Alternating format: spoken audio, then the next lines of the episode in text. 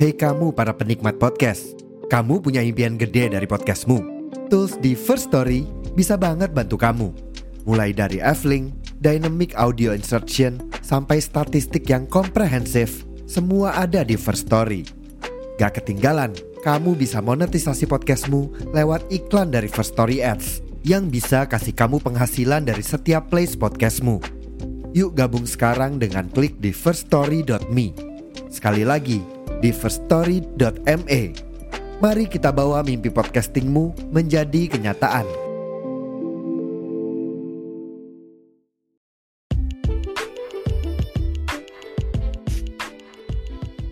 Check sound, check sound, one, two, three. Check sound, check sound, one, two, three. Sebelum gue mulai ini acara podcastnya, sekali lagi ini disclaimer. Nanti ada beberapa info yang mungkin agak sedikit luar biasa. Oke? Sekali lagi disclaimer.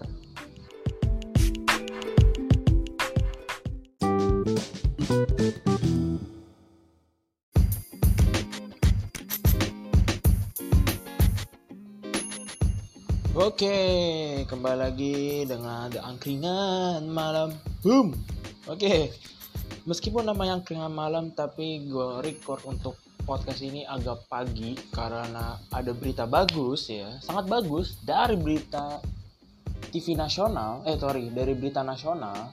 Dari, kita sebut aja Pertama dari Sport Tempo Berita terkini. Asik, kapan lagi kan membacakan berita gitu loh ya? Berita terkini dari sporttempo.co slash read slash 1509 Semoga aja ada, ada berita sport yang bagus gitu loh Semoga Kalau kagak ah sudah lah gitu loh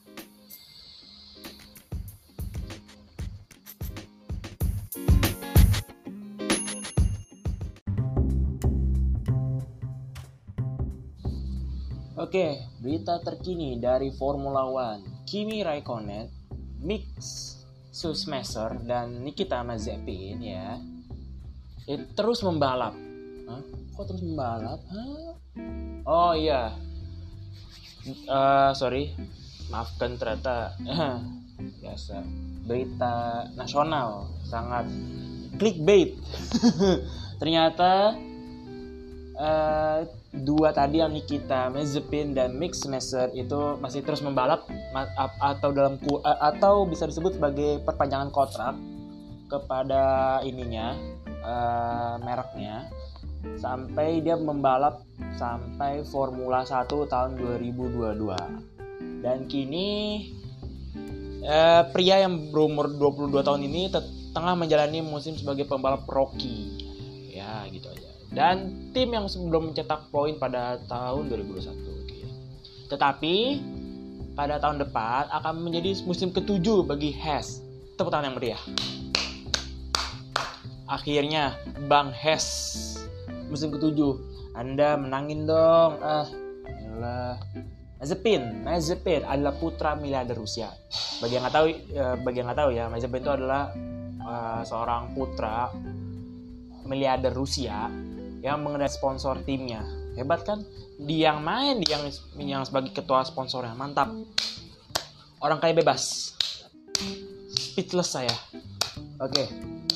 Sedangkan Mick Schumacher adalah putra legenda Ferrari sekaligus juara dunia ketujuh kalinya yaitu adalah Michael Schumacher. Jadi si Mick Schumacher ini adalah putra dari Michael Schumacher yang legenda bagi yang nggak tahu, coba kalian searching tuh di Google Michael Schumacher. Dia itu adalah uh, pembalap dari legenda Ferrari yang sering menang ke, apa sering menang atau sudah punya rekor itu sudah tujuh kali juara dunia gitu loh.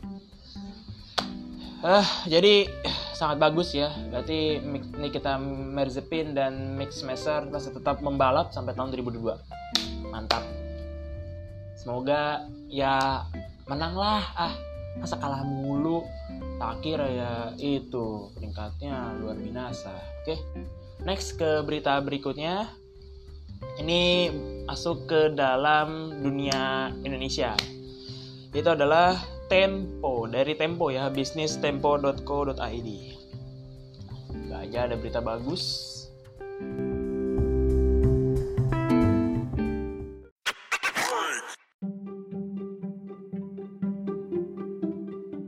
Oke, berita selanjutnya adalah ini yang sempat viral di sosial media dan berita nasional. Itu adalah guru SMP di Sumat eh, sorry, sorry, sorry, di Sulawesi Selatan ceramah berjam-jam sampai siswa pingsan. Ya Allah. Waduh. Waduh. Permasalahannya berarti ini ini sekali lagi ya bukan saya menghina, bukan nih, ini disclaimer nih, bukan. Sekali lagi disclaimer saya bukan mau menghina, tapi kan lagi baru PTM nih, baru tatap muka, ya kan? Ngapa jadi ceramah berjam-jam, buset. Saya aja pada saat upacara pada saya zaman SMA, itu aja udah nggak kuat, kaki saja udah mulai ber- bergetar gitu loh. Apalagi di kelas, kadang pakai masker, ya kan? Udara di kelas kan pengap banget tuh. Apalagi sekolah negeri yang kipas kadang cuma satu di depan atau enggak di belakang. Atau enggak nggak ada kipas sama sekali kan jadi pengap gitu loh. Ya kan? Anjir loh. Wah gigi. Akhirnya berita pendidikan ini aduh sangat luar biasa oke tapi kita baca dulu ya beritanya oke ini langsung demi Allah dari berita CNN Indonesia Real. Ini berita dari angkringan malam ini selalu fakta ya, sesuai dengan kaidahnya fakta gitu. Oke, langsung aja gue bacain beritanya adalah CNN Indonesia memberitakan bahwa ada seorang SMP, eh sorry, ada seorang guru SMP ber, berjam-jam eh, membuat siswanya pingsan. Itu terjadi di Makassar lebih tepatnya di SMP Negeri 3 Bocil Kabupaten Bon Sulsel. Uh, ini uh, si guru ini mengumpulkan siswanya dalam kelas untuk memberikan ceramah hingga berjam-jam. Sejumlah siswa pun kelelahan bahkan hingga ada yang pingsan. Mantap.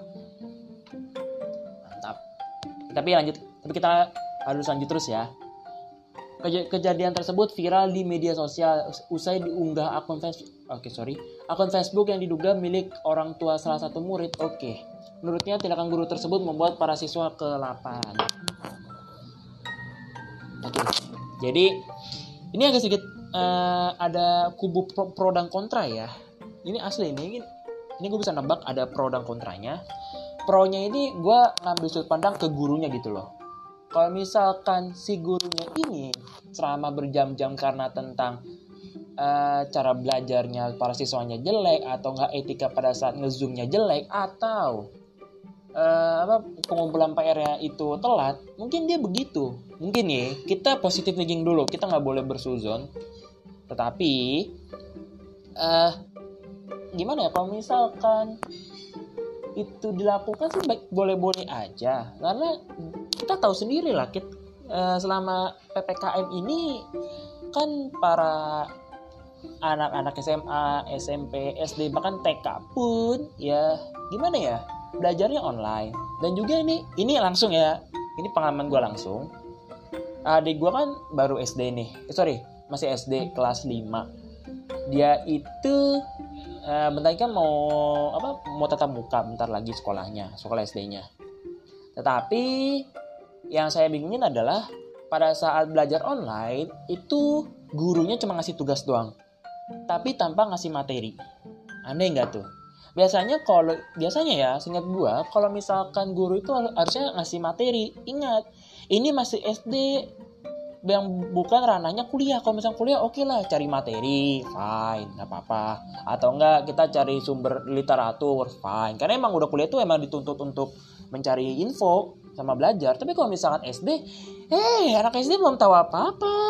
Dia cuma tahunya apa? Mobile Legend Free Fire PUBG gitu doang. Tidak. Ah riuh disumpah. Itu bahkan ya bahkan tugasnya adik gue aja sampai harus gue juga yang turun tangan gitu loh. Saking gurunya bodoh amat gitu loh. Nggak tahu kenapa. Eh asli ya ini demi allah ya ini bukan yang gue mereka reka loh bukan loh ya. Tapi ini beneran loh. Karena ini kalau misalkan ini keluhan gue ternyata terjadi di di beberapa wilayah Indonesia ya alhamdulillah berarti emang harusnya ini bapak Kementerian Pendidikan ya Kemendikbud tolong ya tolonglah kasih tahu lah kepada guru-guru sekarang bahwa uh, Bo ya kalau misalkan tugas ya nggak apa-apa kasih aja nggak apa dikasih tugas nggak apa-apa tapi itu pun diselingin dengan materi. Contohnya kayak misalnya gini ngadain uh, zoom atau nggak ngadain Google Meet ya kan? Atau enggak ya minimal ya cobalah buatin PDF gitu, buatin PDF-nya, habis itu kirim ke, ke siswanya. Nah, siswanya itu nanti suruh orang tuanya atau siswa yang bisa baca ya ya suruh ya suruh pelajarin gitu loh, nggak apa-apa. Tapi ini tidak ngasih materi, tidak ngasih apa-apa, ujung-ujungnya riweh gitu loh. Kan ngeselin. Mana lo? Oh ya, oke okay, sip capek gitu loh.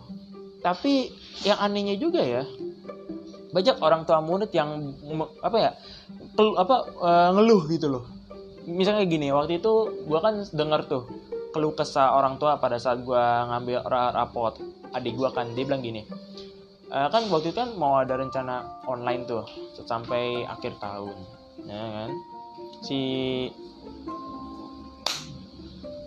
siapa? Si orang oh si orang tua murid ini ngeluh gitu kayak pak gak usah gitu dong. Saya kan gak punya paketan. Saya dapat duit aja setengah-setengah. Abo ya gimana gitu? Begini ya ibu. Ini sekali lagi bukannya saya mau ngeledek atau apa bukan. Tetapi ibu kan punya anak. Dan juga anak itu kan sebagai investasi masa depan orang apa bapak dan ibu. Bo ya bantuin lah katanya mau ngebuat anaknya pinter. Katanya ngebuat apa pengen buat anaknya punya prestasi. Ayo ya bantu dong mamang. Ah. Kesel lu jadi uh, tapi eh, apa ya terobosan terbarunya dari Kemedibut adalah membagi paketan internet secara gratis. Ya alhamdulillah gitu loh. Tetapi paketannya itu pun cuma untuk Zoom, cuma untuk Google Classroom. Apakah itu baik? Ya baik gitu loh, baik, benar-benar baik. Tapi malah disalahgunakan oleh sama anak-anak sekarang gitu. Malah dibuat nonton ini YouTube, Mobile Legend. Meskipun paketan internet itu hanya untuk Google Classroom atau Zoom atau Google Meet, itu bisa di mungkin bisa diganti kodenya atau dihack mungkin. Karena anak-anak zaman sekarang tuh udah lebih pinter you know. Tanpa harus diajarin udah bisa sendiri gitu loh. Contohnya kayak paketan internet untuk Google Classroom diganti itunya kodenya atau apa codingnya untuk paketan biasa, biasa gitu yang bisa uh bisa buat uh, buat main game buka Google Chrome buka Instagram Twitter dan lain-lain gitu loh tapi dari orang tua muridnya sendiri juga bodoh amat gitu loh. Ujung-ujungnya kalau misalnya anaknya salah nyalainnya guru. Padahal di rumahnya si orang tuanya tidak ada dukungan kepada anaknya. Kan serba riweh gitu loh. Emang kalau kita ngebahas tentang pendidikan Indonesia tuh gak akan pernah ada habisnya gitu loh. Mau dari orang tua orang tua muridnya ke muridnya sendiri atau ke gurunya atau ke badan lembaga pendidikannya pun riweh gitu loh. Sekali lagi apakah itu jelek? Saya nggak mau bilang jelek tapi saya cuma bilang satu adalah riweh riweh gitu loh. Riweh banget dah. Huh, tapi ya sudahlah. Tapi balik lagi ke dalam berita berita yang tadi tentang yang si um, guru itu ber, uh, ceramah berjam-jam ya semoga aja jangan sampai terulang kembali uh, masalah itu karena uh, ingatlah bahwa murid itu kan baru pertama kali masuk juga. Dan juga takutnya masih ada yang kaget. Takutnya juga ada yang baru baru pertama kali masuk ke sekolah tiba-tiba langsung didengerin ceramah dua jam tiga jam empat jam lima jam kan agak sedikit kaget kan atau ngebuat kayak duh kok lama banget gitu.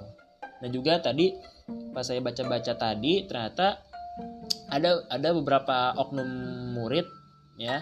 Eh sorry kok oknum sih? Ada beberapa murid yang ternyata belum makan pagi gitu loh. Jadi ya ya gitulah.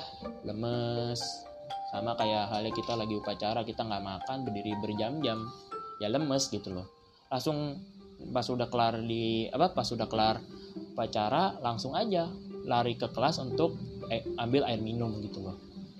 Oke mantep ya berita Indonesia sekarang Oke, selanjutnya kita beralih ke berita apa ya berita apa sekarang ya? Sebentar, aku tanya timku dulu. Tim, ada ada berita bagus nggak? Ada. Ya udah kirim aja itu gue. WA WA apa? WA pribadi gue. Oh, Oke, udah. Sip, sip, sip. Hah? Lagi loading. Oh, loading. Ya udah, ya udah. Sip, sip, sip. Sebentar ya, apa sebentar ya guys ya, biasa. Internet IndiHome seperti kayak tadi sebelumnya masih bermasalah. Oke.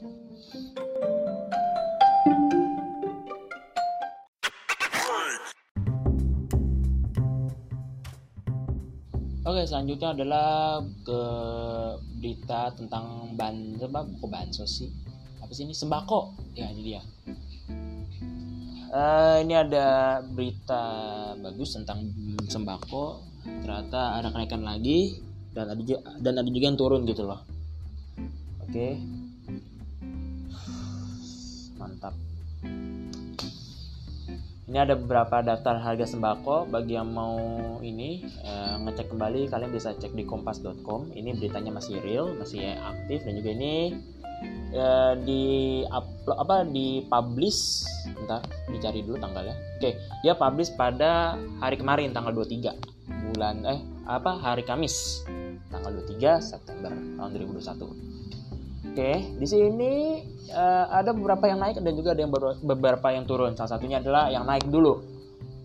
Beras IR1 ya atau apa gitu jenisnya IR64 itu eh, naik. Menjadi naik menjadi 14.178 per kilo gitu loh. Berarti awalnya itu adalah 11.900 berapa gitu per kilonya. Ya. Huh, naik. Ya itu bagi yang yang suka beras jenis itu tolong ya semangat hidup ya. Lanjutnya ada beras IR2 ya atau Ramos itu turun cuman 5 perak. Sudah ada gunanya. Tapi nggak apa-apa ya yang penting turun. Ya berarti tetap aja harganya masih 10.497 per kilogram. Selanjutnya ada beras IR3 ya atau jenis 3 itu turun dari awalnya adalah 9.600 apa sorry 9.600an menjadi 1000 eh, kok, kok 1000 sih menjadi 9.550 per kilo. Oke. Turunnya cuma 55 perak. Tidak apa-apa, tidak apa-apa. Yang penting turun, itu aja.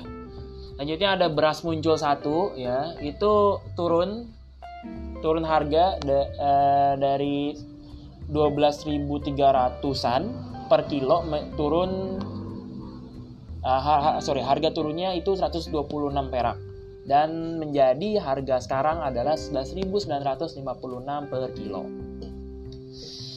Oke, selanjutnya adalah eh, masih tentang beras ya.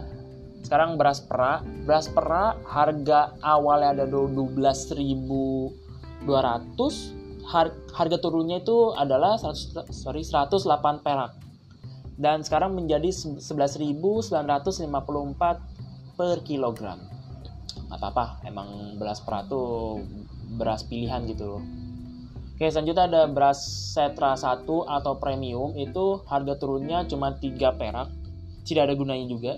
Cuma turun 3. Berarti awalnya ada 12.262 eh sorry, 12.265 per kilogram dan sekarang menjadi 12.262 per kilogram. Tidak apa-apa, tidak apa-apa. Memang memang ya. Apa memang turun ini memang agak mengganggu gitu loh ya. Selanjutnya ada eh, minyak goreng kuning atau curah ya.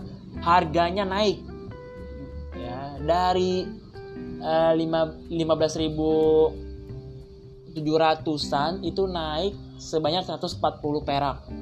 Dan sekarang menjadi 5 dan sekarang menjadi 15.948 kilogram. Cabai merah.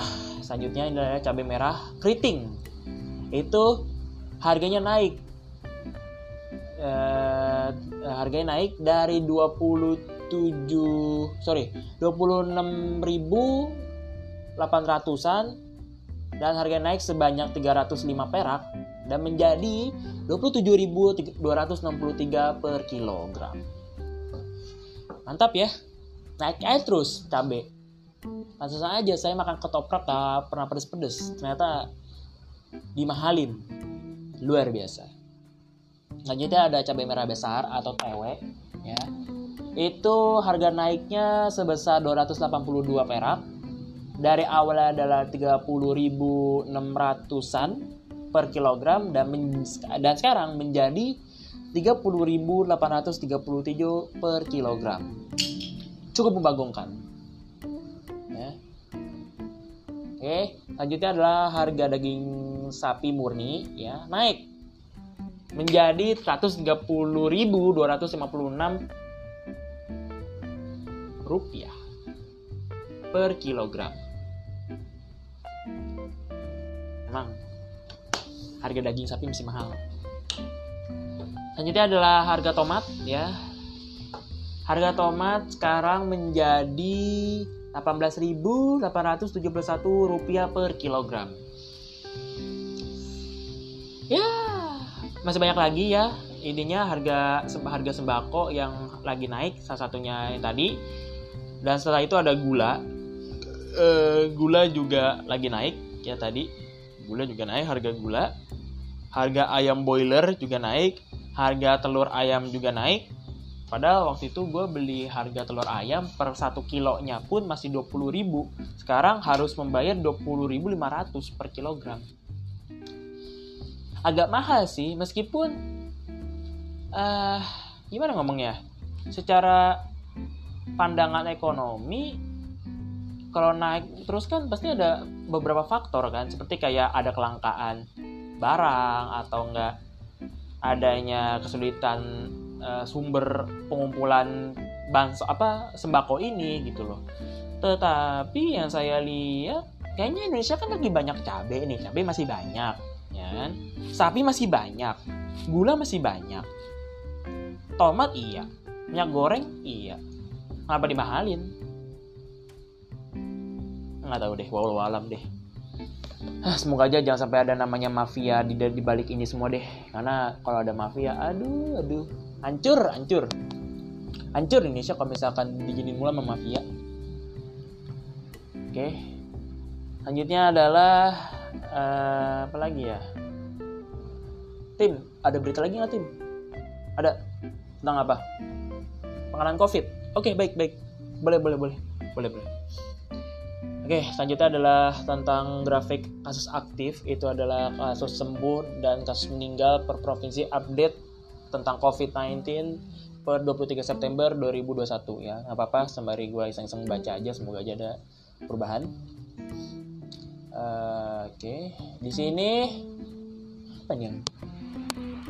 Di sini Jabar kasus aktifnya masih yang tertinggi yaitu adalah 3.843 orang, mantap. Masih aktif ya di Jabar ya. Nah, itu ada Jateng, Jateng um, uh, ada di posisi kedua setelah Jabar itu ada di 3.755 orang Duh, bentar lagi mau pejateng lagi. Duh, aduh. Oke, habis itu disusul oleh Aceh. Aceh itu ada peringkat tiga, yaitu ada uh, apa sih itu? Itunya angkanya burung banget, tim. Burung banget, tim. Gila. Cuy, cuy. Burung banget, sumpah. Oh gitu ya? Di awal kayak gitu. Oke dah, sip, sip, sip. Aceh itu adalah 3.368 orang. Itu sekali lagi ini kasus aktif ya. Dan kasus yang paling kasus aktifnya sedikit tuh ada di Bengkulu, cuma 76 orang. Mantap. Mantap Bengkulu. Oke.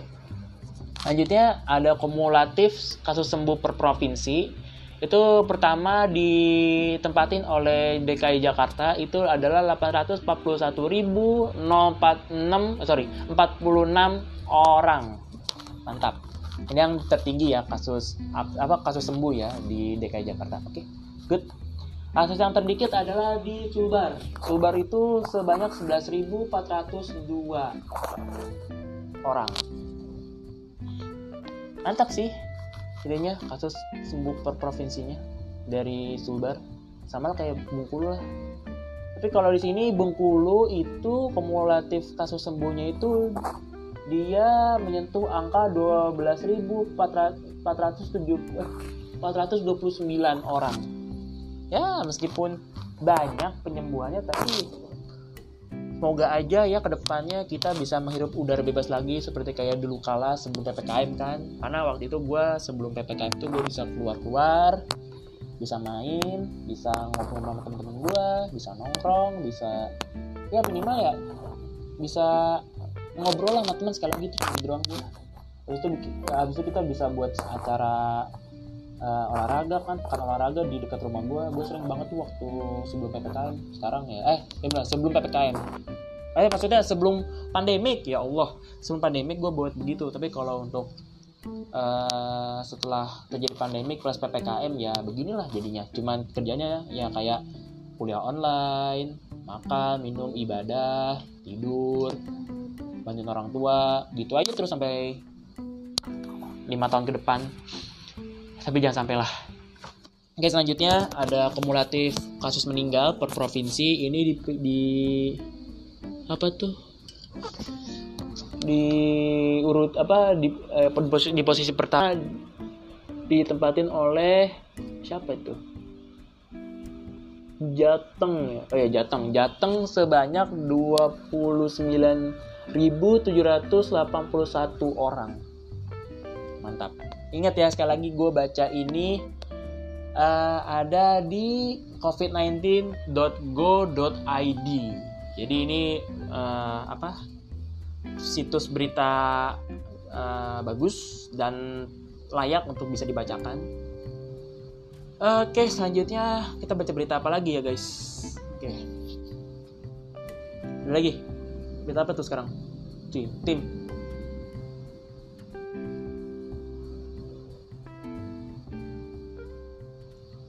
Oke, di sini ada berita tentang Nakes Geral atau itu ya Nakes Geral Sokoi dikabarkan 10 hari bersama OPM. Ya, mantap. OPM. Bagi yang atau OPM kalian bisa searching aja di itunya apa?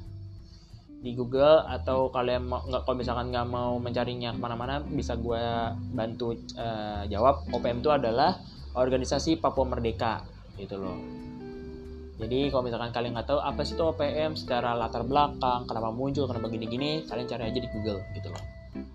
Oke ini di upload atau dipublish di Jakarta dari CNN Indonesia itu adalah Tentara Pembebasan Nasional Papua Barat Organisasi Papua Merdeka atau TPNP TPNPB strip OPM itu membantah telah menyandera satu orang tenaga kesehatan atau nakes bernama Gerald Soko ya, yang dikabarkan menghilang jubir atau ju apa atau apa ya juri bicara dari TPNPB OPM itu adalah Sebi Sambom mengatakan bahwa Gerald justru dilindungi oleh OPM karena tersesat usai terjadinya insiden penembakan di distrik Kiwirok, Pegunungan Bintang, Papua beberapa waktu lalu. Oke. Ini ada kutipannya dari kata Sebi ya tadi yang juru bicaranya TPNPB. Dia mengatakan bahwa selama kurang dari lebih dari 10 hari Mantri Gera Sokoi bersama pasukan TPNPB OPM Kodap 15 ngalung kupel dalam kondisi sehat walafiat. Alhamdulillah. Dan bukan Sandra. Namun, Gera Sokoi tersesat dalam peristiwa penembakan di distrik Kiwirok. Kata Sebi, keterangannya resmi dikutip hari Kamis pada tanggal 23 September 2021. Oke, dan juga si Sebi ini mengklaim bahwa pasukan TPNPB OPM terus melindungi Gerald karena statusnya sebagai warga sipil dan non-militer. Dan juga si pihak eh, apa TPNPB OPM ini memastikan bahwa Gerald akan diserahkan melalui pihak gereja atau pangkap Pegunungan Bintang. Info itu ya didapatkan dari laporan resmi dari Panglima Kodap 15 Ngalum Kupel Brigadir Jenderal Lamek Taplo Oke, intinya mas semoga aja kepada uh, nakes uh, Bapak Gera apa nakes Gera Sokoy semoga kembali ke rumah, semoga sehat walafiat, jangan sampai terluka-luka untuk kembali ke rumah. Dan oke okay, kita lanjut lagi ke berita selanjutnya tentang uh, kasus deposito nasabah asik. Ekonomi banget nih pas banget nih mumpung gua anak ekonomi ya kan? Pas banget. Uh, ya sabar ya guys. Biasa internet. Ini tim gue ini cuma terdiri dari tiga orang. Di total tuh gue untuk menjalani angkringan malam itu ada lima orang. Gue Bunda Rio dan tiga orang tim gue gitu loh. Dan semuanya itu kita kerja sama tim tidak ada namanya bayaran karena kita tahu engkor ini pasti ada syarat-syaratnya untuk bisa mendapatkan uang. Apa-apa. Kita berusaha untuk kita apa ya kita berusaha supaya bisa memberikan informasi yang bermanfaat dan juga tujuannya dari podcast podcast ini adalah supaya merakyat. Kita nggak ngincer duit no. Kita yang cari adalah uh, memberikan uh, manfaat yang baik. Oke? Okay? meskipun meskipun ya kita bukan bukannya bukannya apa nggak mau muna ya tentang duit enggak. Tetapi ya meskipun duit itu penting penting banget. Tetapi lebih penting adalah memberikan informasi yang terupdate dan bermanfaat. Jangan kayak TV nasional. Ups, sorry, maksudnya oknum-oknum TV nasional. Nah, itu dia. Oknum-oknum TV nasional ini memberikan tontonan itu sangat luar biasa gitu loh. Salah satunya kayak tiba-tiba di pagi-pagi kita ngeliat bahwa si apa artis yang baru menikah alhamdulillah semoga itu samawa ya samawa untuk pasangan tersebut ya alhamdulillah ini bukannya menghina, no, bukan. Tetapi kenapa harus setiap hari beritanya Anda mulu? Kan ada berita yang lain tuh, ya kan? Ada berita lain tentang ini Bapak Erick Thohir, ya kan? Atau enggak kayak berita tentang uh, saham yang lagi naik turun nggak apa-apa ditayangin di Indonesia gitu loh nggak apa-apa apalagi kalau mau langsung di TV umum nasional it's okay mumpung bisa mengajari apa ya bisa mengajari kita rakyat Indonesia yang buta saham itu bisa ngerti saham gitu loh ya kan? Tapi ya ya sudahlah. Tapi sekali lagi balik lagi ke dalam berita Indonesia yang sangat luar biasa. Lu pikir aja nih TV nasional gue buka Indosiar isinya pagi-pagi azab kedua hotkeys ketiga gitu. Habis itu pindah ke Trans TV uh, brownies.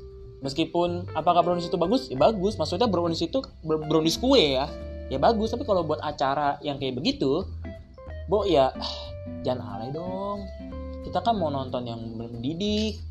Gue lebih apa ya kangen masa-masa berita nasional itu pada zaman pada tahun 2000 2008 2008 2009 sorry dari 2006 2006 sampai 2010 itu beritanya bagus banget. Tapi waktu itu kan gue kan masih kecil. Jadi ya nggak tahu apa apa tentang itu tentang berita nasional. Tapi ya intinya gue tuh menikmati aja gitu loh kayak oh ada terjadi kebakaran ternyata gini gini gini. Oh ternyata ada terjadinya kriminalitas tuh gini gini gini. Jadi gue tuh belajar begituan tuh di, dari TV waktu itu gak dari Google karena Google tuh kan masih masih belum begitu eksis lah di masa itu masih belum eksis. Apalagi YouTube juga sama kan? Ah, tapi ya semoga aja gitu ya para pihak TV nasional yang sering melakukan itu tolonglah dengarkan ini podcast dan ya gimana ya?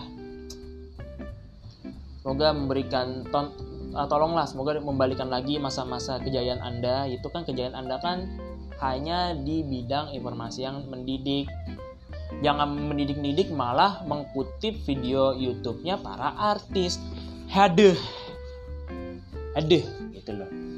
Pusing gue juga ngeliat ini tapi nggak apa-apa. Sekarang kita lanjut kita kita apa? Kita lanjutin lagi tentang beritanya itu adalah deposito. Asik. Ini gue bacain aja beritanya. Itu adalah deposito nasabah sorry deposito nasabah sebanyak 1,3 miliar di BRI Makassar. Raib. Mantap. Sekali lagi ya gue bacain nih. Deposito nasabah 1,3 miliar di BRI Makassar. Raib. Kalian tahu raib apa? Menghilang. Gitu. Eh ini ini menurut John Rambulangi itu adalah nasabah PT Bank Rakyat Indonesia atau BRI cabang Ahmad Yani Makassar itu kehilangan dana yang didepositokan sebanyak 1,3 miliar. Uang tersebut didepositokan periode 2013 sampai 2019. Akan tapi saat John ingin menarik uangnya pada tanggal 19 Oktober 2020, BRI menyatakan dana tersebut tak terdaftar.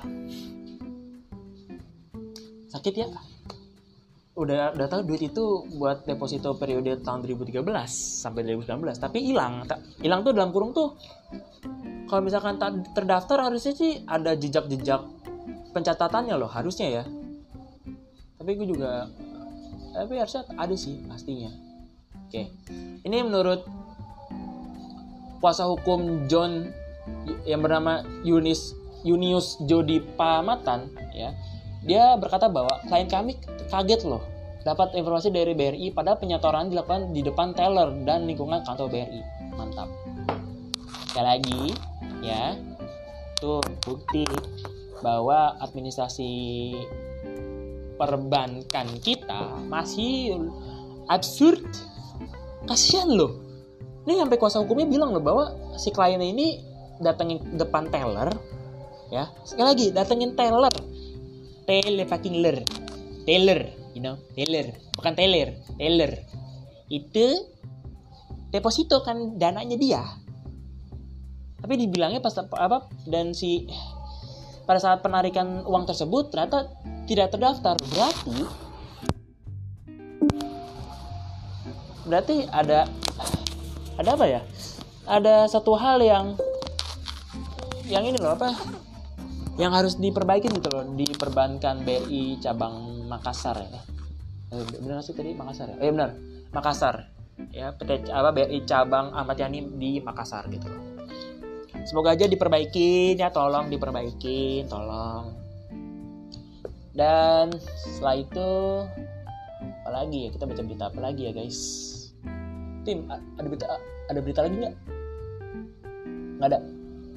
Oh ya udah oke mungkin segitu aja ya, angkringan malam kita meskipun gue record agak pagi karena enakan pagi-pagi itu membacakan berita ya kan bukan bacain tentang seputar gosip kayak TV anu gitu ya Oke, segitu aja dan kurang lebih mohon maaf dan sampai jumpa di podcast berikutnya. Salam angkringan malam. Boom.